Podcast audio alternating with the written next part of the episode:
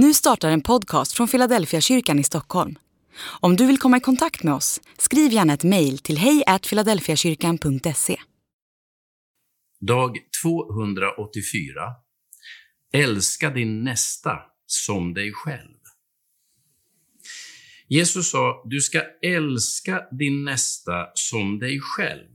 Markus kapitel 12, vers 31. Om man vänder lite på orden så skulle man också kunna säga, man kan bara älska sin nästa som man älskar sig själv. Jesus utgår från att man har ett visst mått av självuppskattning och självrespekt. Det är själva utgångspunkten i hans ord.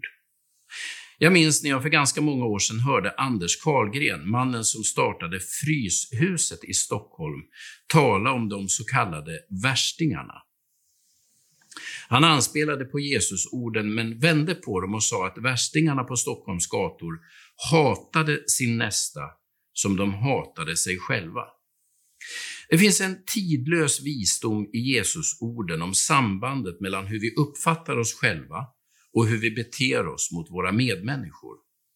Bara den som har lärt sig älska sig själv kan älska någon annan. Du behöver tänka som trädgårdsmästaren och inte som ägaren när det gäller dig själv. För det handlar inte bara om dig själv. Det har i förlängningen konsekvenser för hur du bemöter andra. Om du inte kan visa både förståelse och nåd mot dig själv så kommer du att få allt svårare att visa det mot andra.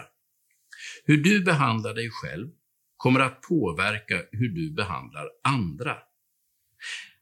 Vad betyder att ha ett trädgårdsmästarperspektiv på sitt eget liv? Jo, det handlar om att aldrig fastna i bristen på resultat, utan i tron på Guds möjligheter. Istället för att låta dig uppslukas av allt som inte är som det ska, kan du låta dig uppfyllas av Guds godhet och Guds löften till dig. Någon förändring till det bättre kommer inte att ske för att du kritiserar dig själv. Däremot om du låter Gud uppfylla dig.